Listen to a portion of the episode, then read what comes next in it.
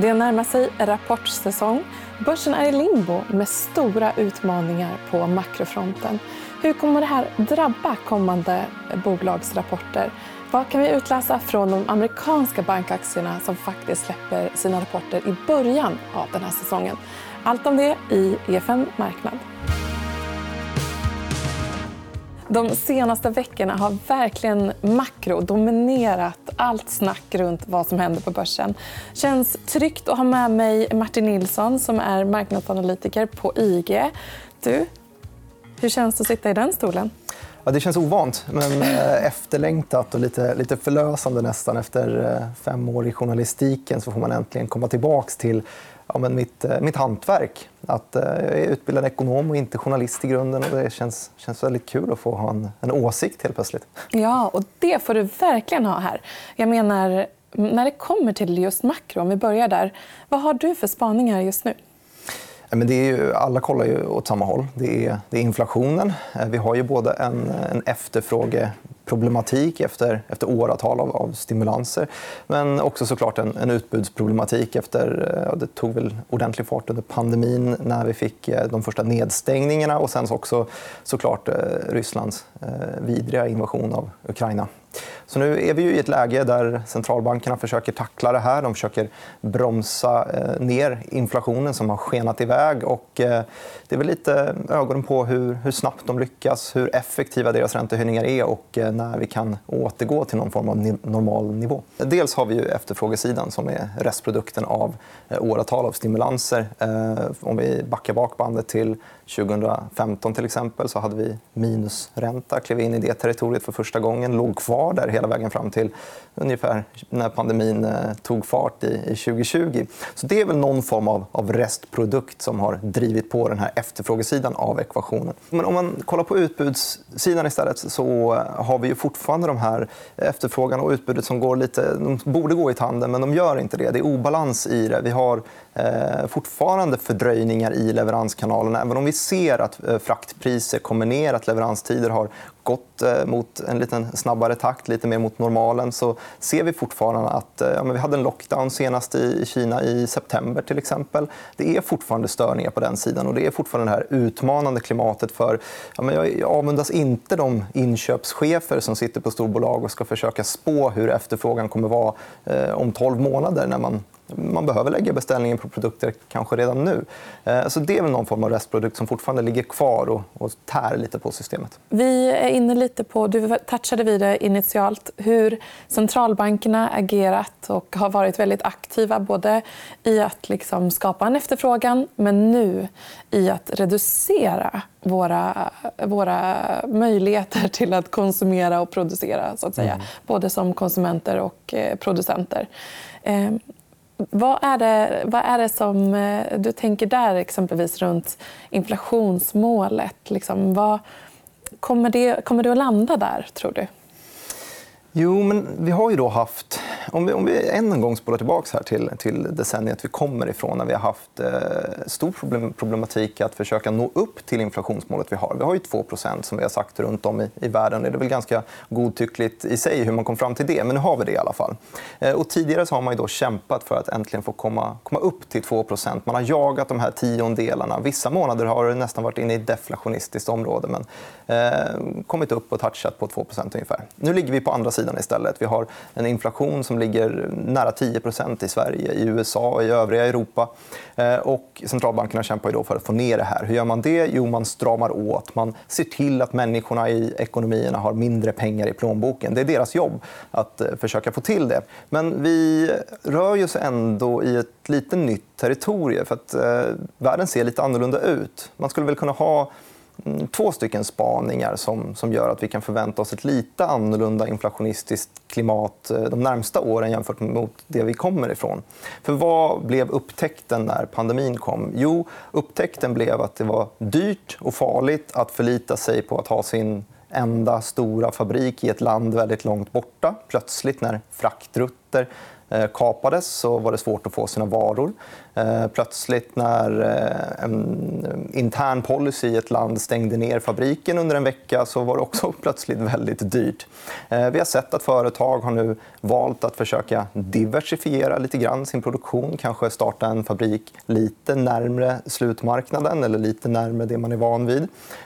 Och det såklart ändra kostnadsbilden för företaget. Likaså med de här fraktrutterna som har lutat sig väldigt mycket på det vi brukar kalla för just-in-time-leveranser. Alltså att, att majoriteten av lagret är just nu i en container och eh, ska nå fram till slutkonsumenten när konsumenten vill ha produkten. Det har också varit väldigt kostsamt. för Plötsligt när fraktrutter skärs av så eh, sitter man ju där och har inga varor. Vi minns ju alla toarullepaniken i inledningen av pandemin. Plötsligt fanns det ingenting. Och sen så ett år senare så fanns det hur mycket toarullar som helst. Det var rea. och sen så spola fram sex månader till så var det brist på toarullar igen. Eh, och det är de här vågorna i utbudet som företagen har känt att det här är väldigt kostsamt. Vi måste försöka ta hem produktionen lite. Och vad händer när man tar hem produktionen? Jo, det blir dyrare. Plötsligt får du ha en fabrik i Belgien istället för i Kina. Lönenivåerna ser annorlunda ut. Du kanske vill bygga upp lite mer lager så att du har den här säkerheten. Det är också dyrare än att ha just in time. Den här typen av kostnadspress eh, på företagen kommer såklart höja kostnadsnivån framöver också. Det skulle kunna tala för att vi hamnar på en högre nivå. Och det eh, kanske indikerar att eh, kostnadsmassan kommer att öka i kommande bolagsrapporter också. Att, att vinsten kommer att minska framåt. Just, ja, absolut. Dels för att man då startar upp de här fabrikerna på, på andra ställen men också just eh, flytt att det tar ett tag att planera om hur ska vi säkra våra fraktrutter framöver och vilka ska vi köpa råvaror från och hur ska vi få vår energiförsörjning. Det är klart att det är såna delar. Mm. En till grej som skulle kunna, om jag får fortsätta på samma spår, eh, påverka inflationen framöver är ju just det här att Eh, centralbankerna har överstimulerat under en ganska lång period. Jag tror att de fortfarande minns hur det var 2015, 16, 17 och fram till idag. Att det var skitsvårt att nå fram till de här 2 procenten.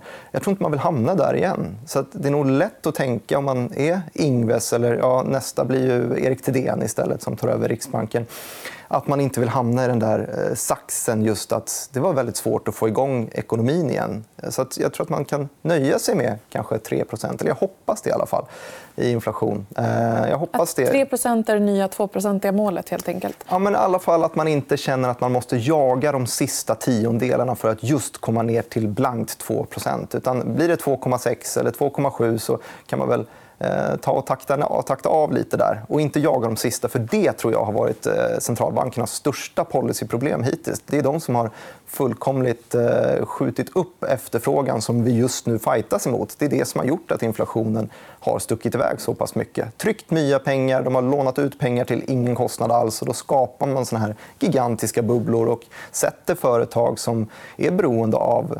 kapitalintensiv finansiering man sätter dem i väldigt stora problem. Vi har ju inte minst följt fastighetsmarknaden här på senaste. Eh, det är branscher som, som får det väldigt svårt just nu. Mm. Eh, men det är också så då att vi har ju i dagsläget en kris som vi går igenom. Om vi tittar på historiska kriser så har ju centralbankerna kunnat liksom öka på takten och bidra till att man kommer ur den här krisen på det sättet som man faktiskt gjorde under pandemin. Nu så har vi faktiskt en, en, en, uppförsbacke där centralbankerna kommer att hålla hårdare i liksom verktygslådan för att säkerställa att det inte blossar på igen. Eh, finns det en, liksom en, en risk med det?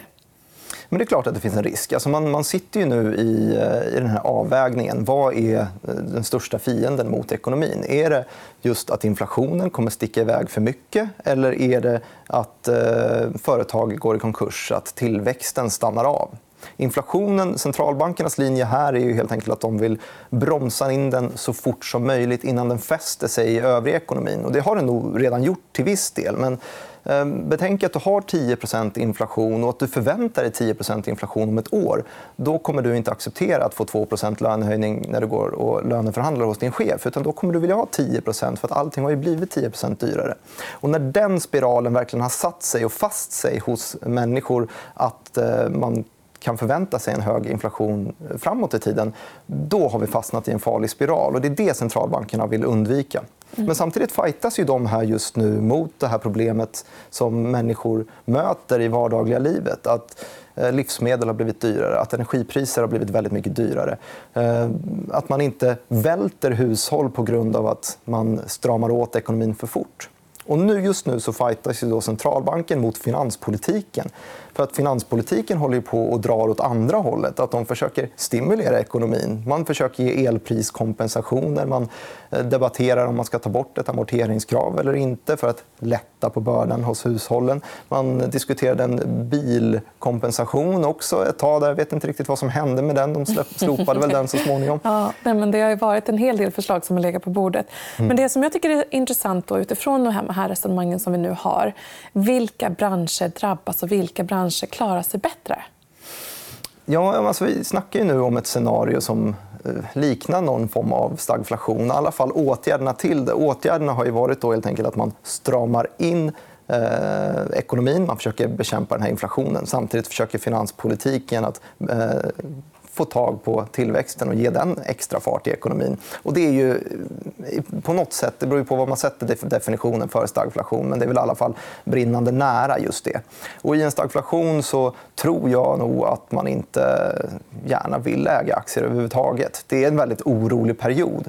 För att det man vet av stagflation tidigare när vi mötte i historien, vi snackar 70-tal USA, Paul Volcker som valde helt enkelt att inflation är den värsta fienden, det är den vi ska ta död på först. Vi skickar in ekonomin i en recession och sen så startar vi om ekonomin och så tar vi det därifrån. Mm. Eh, och när man står och då var det, det egentligen eh, oljekrisen där, 73 som var en av de utlösande faktorerna. Men i det här så är det faktiskt el som är så eh, i vår övergång till att använda el till bilar och så vidare så är det inte bara... Det är så stor del av samhället som drabbas. Mm. Det är våra hem. Det är liksom, ja, så.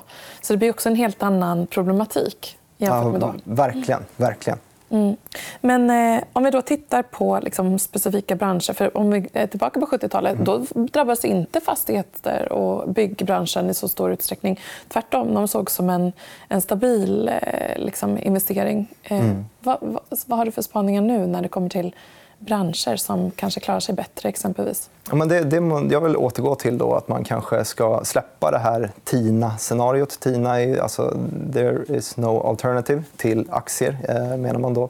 Eh, och kanske luta sig mot att det finns andra alternativ. Eh, någonting som skulle kunna finnas möjligheter i är ju såklart Eh, kreditmarknaden istället. Eh, och räntorna är ju ganska höga och förväntas kunna bli lite högre. så Det finns säkert någonting att göra där. Tittar man på IGs kunder, hur de handlar just nu så är det väldigt många som har lutat sig mot råvarumarknaden. Det är väldigt många som försöker fånga den fallande kniven. I både silvret och i guldet är det övervägande långpositioner. Eh, så det är väl kanske de marknaderna som man får, får luta sig mot. Och det är ju en, en ganska ett ganska härligt klimat om man får vara lite, lite åt det hållet också. Att det rör sig väldigt mycket, så det finns ju väldigt mycket trades att göra. Mm. Exakt. Eh, om vi då tittar på eh, stagflationsscenarion eh, och eh, vi har då betydande räntehöjningar och vi har åtstramningar som vi har varit inne på.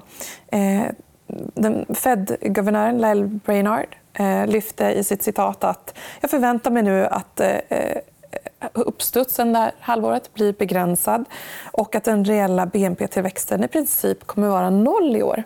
Eh, är det det här också som vi ska räkna med landa i bolagsrapporterna kommande kvartal? Ja, ja absolut. Och det förutspår ju nästan varenda bolag just nu. Det har ju börjat ramla in lite rapporter och det kommer fler rapporter.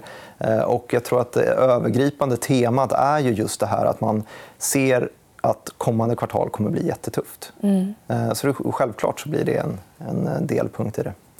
Eh, vi har pratat lite inflations och eh, liksom, anledningar till det. En bidragande faktor är ju såklart oljepriset. Mm. och där har vi ju sett nu att OPEC har minskat produktionen och pressat upp priserna från ja, låga nivåer i, i, relation till vad som har varit under året. i alla fall. vad, kan, vad kan hända där, tror du? Kommer Eh, Eh, kommer det en kontring från USA som gör det ännu dyrare? Eller... Jag tror faktiskt att det där lite av, eh, är ett politiskt spel. faktiskt. Eh, oljepriset är ju absolut lägre än vad det har varit men det är inte på några krisnivåer. Om vi spolar tillbaka till Eh, våren 2020 så såg det ju helt annorlunda ut. Då var vi nere och bottnade på oljeprisnivåer på 25 dollar ungefär eh, som, som lägst. Till och med terminerna var ju negativa under en, en ödesdiger dag. Eh, men ungefär 20 dollar. och Sen så klättrade den långsamt, långsamt uppåt. Men nu så snackar vi att eh, oljepriset Brent ligger norr om 80 dollar.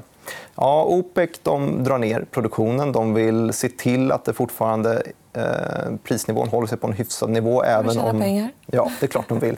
Även om efterfrågan faller så vill de att prisnivån ska ligga kvar på en hyfsad nivå. Mm. Jag tror att Joe Biden och USA måste reagera på en sån här sak. De måste reagera för att det politiska klimatet i USA ser likadant ut som i Sverige. Man pratar om priset vid pump. Så skulle inte Joe Biden reagera på det inför hans midterms nu så är det väl ganska... Ja, det förstör ju hans mätningar i, i politiken istället. Att folk vill ju inte att han ska heja på medan den här elaka oljekartellen höjer priserna vilket slår mot den, eh, slår mot den lilla människan som står och försöker tanka bilen. Mm. Då måste han säga ifrån.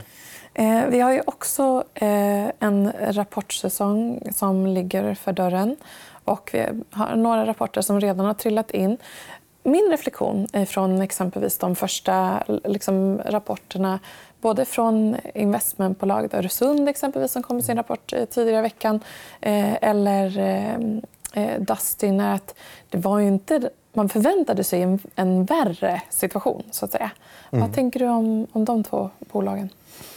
Ja, men Dustin eh, blir ju lite speciellt. just. De har väl ett, ett brutet räkenskapsår, om jag minns det här rätt. också. Så att deras, år, deras kvartal som de rapporterade nu tog slut i augusti. Och där kunde man inte riktigt se några Eh, ordentliga förändringar på siffrorna att, att efterfrågan skulle eh, dras tillbaka på deras produkter. Men precis där som jag nämnde tidigare, vd var ute och pratade om att nästa kvartal blir tufft och kvartalet efter det, det blir också tufft. Eh, så jag tror att de flesta förstår det och håller på just nu att försöka förbereda sig för en riktigt, riktigt tuff vinter och kommande vår. Mm. Öresund istället. Eh, ja, vad har de där för bolag egentligen? När man, när man kikar in i deras portfölj så har de till exempel eh, fått en riktig lyckoträff med, med BioArctic eh, som vi är väldigt stolta över. såklart. Det här midcap-bolaget som ja, har gjort... Vilken, vilket kvartal ja. de har haft. De har fått då framsteg i, i Alzheimer-forskningen. Och vi hoppas ju såklart att det här kan, kan eh, sätta det här svenska bolaget på, på den globala scenen och verkligen göra skillnad. Ja, det är så svår, svårt segment. Eller det är många som har försökt och misslyckats. Så att, eh, Gunilla Osvald, där vd eh, ska ha stort lycka till i ja, det, den det tycker jag också. Jag hoppas verkligen att de lyckas. såklart. Det har ju varit en, en pusselbit i Öresunds portfölj. också. De har vi också ägt Scandi Standard om jag minns det rätt. också. Den här eh, lite illa drabbade kycklingproducenten som har haft tuffa fem år men nu har fått lite uppstuds igen. Det kanske driver på att Öresund också ser lite bättre ut än tidigare. Men vi ska komma ihåg att Öresund har ju när man pratar till substansvärdenivå har de dragit ner substansvärdet med 25% fram till idag. Och eh, när den här rapporten kommer ut då så var väl justeringen bara 0,4. 0,4. Det är inte stor skillnad alls. Nej. Men då hjälps det av BioArctic som har haft det bra, Scandi Standard som också har haft det bra. Mm. Eh, sen så vill jag landa avslutningsvis på de här eh, amerikanska bankerna som nu blir liksom först ut att visa upp Eh, lite vad, hur ser den ekonomiska situationen ut. Eh, rapporter kommer eh, i början av rapportsäsongen. egentligen. Vad tänker du om vad man ska hålla ögonen på när det kommer till eh, de här eh, rapporterna? Ja, jo, men vi har nu landat in i ett, ett högre ränteklimat och vi har sett eh, att det har påverkat våra, våra svenska banker mm, ganska positivt jämfört med, med andra branscher. i alla fall. Eh, bankerna har haft möjlighet att ta bättre betalt. egentligen. Eh, men jag tror att bankerna som kommer nu, det är väl City som är den, den absolut största. kanske. JP Morgan kommer, Morgan Stanley kommer också. Ehm, att kika i vd-orden, kika på vad de säger och vad de förväntar sig. För att någonting som man skulle kunna flagga upp för här är ju då kommande kreditförluster. Är de oroliga för att eh, behöva göra, göra avskrivningar där så kan det i så fall slå negativt. Just det. Och de skapar ju faktiskt en buffert inför de här eventuella förlusterna när de ser att trenden är där. Så att säga. Just så. Eh, så det är absolut någonting att titta på. Tack så jättemycket för att du var med i det här programmet av EFN Marknad. Eh, det gick bra. Gjorde det? Vi är tillbaka på onsdag. Jag ser fram emot ett nytt hett avsnitt då att ta del av via vår Youtube-kanal, EFN Ekonomikanalen eller varför inte gå in på vår Instagram, EFN Aktiekoll för att följa allt spännande som händer där. Vi ses!